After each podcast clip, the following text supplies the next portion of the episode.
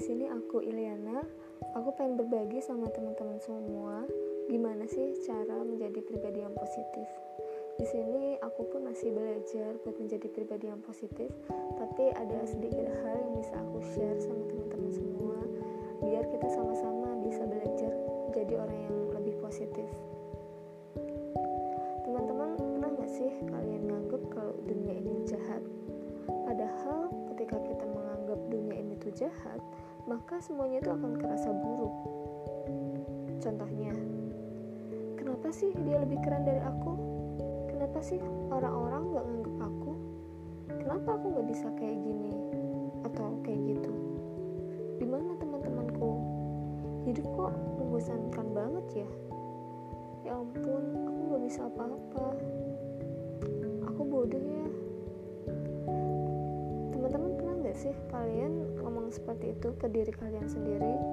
Dan berapa kali kalian mengucapkan hal kayak gitu atau sejenis itu dalam sehari? Sebenarnya apa yang kamu ucapkan itu yang akan memenuhi isi kepalamu. Semakin banyak hal buruk atau pesimistis yang kamu ucap itulah yang akan membentuk pola pikirmu.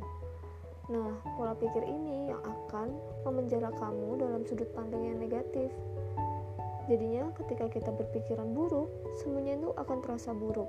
Hidup ini jadi nggak indah, padahal hidup ini indah-indah saja kayak gitu.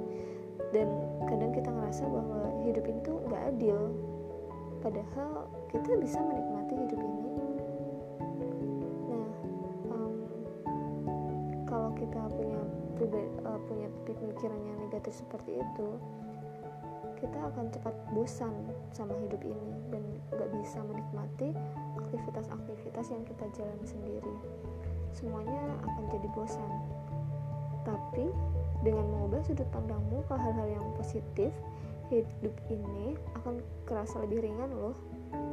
Contohnya ketika kamu sudah mulai mengubah ucapan-ucapanmu ke ucapan yang lebih positif itu akan membentuk pola pikirmu jadi pola pikir positif dan akhirnya kamu akan menjadi pribadi yang lebih bahagia dan bisa menikmati aktivitas-aktivitas sehari-hari. Harimu nah contohnya ya contohnya gimana kita bisa mengubah ucapan-ucapan positif. Misalnya wah dia keren banget ya suatu saat nanti aku juga bisa seperti dia. Nah itu kayak mengubah sisi positif dari kita sendiri. Biasanya orang yang negatif mereka akan envy melihat teman kita atau orang lain lebih sukses daripada kita. Nah dengan mengubah ucapan kita menjadi sebuah motivasi buat diri itu justru akan menimbulkan efek positif ke diri kita. Akhirnya kita justru tidak bukan bukan kita pesimis tapi kita justru akan lebih bersemangat. Nah contoh lainnya adalah misalkan ketika kita lagi sendirian apalagi dalam keadaan kita di umur-umur yang quarter life crisis quarter life crisis nah kita akan merasa kesepian karena nggak banyak teman yang ada di samping kita. Nah di sini kita bisa mencoba untuk mengucapkan hal-hal positif ke diri kita. Misalkan temanku sepertinya pada sibuk.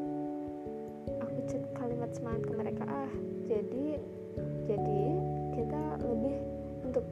efek positif ke orang lain memberikan influence positif ke orang lain.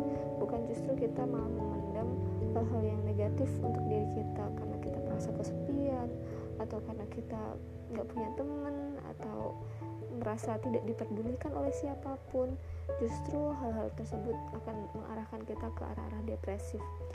Aku pun pernah ngerasain hal yang kayak gitu guys. Kayak uh, karena aku merasa di umur yang quarter life crisis ini aku merasa aku gak punya teman sering sendirian mengurung diri di kamar dan itu sangat membosankan buat orang orang ekstrovert kayak aku.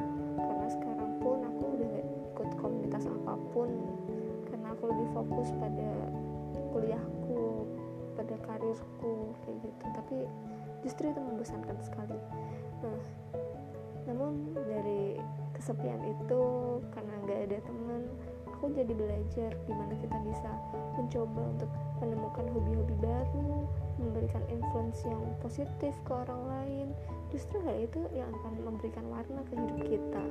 Kita jadi lebih bahagia bisa memberikan pengaruh bahagia ke orang lain. Nah bukan bukankah itu yang kita cari ketika kita hidup di dunia kita kan pengennya bahagia. Kenapa kita harus terkurung sendiri? Sedikit uh, itu sedikit itu sedikit sharing dari aku. Semoga bermanfaat untuk semuanya. Sampai ketemu di podcast selanjutnya. thank you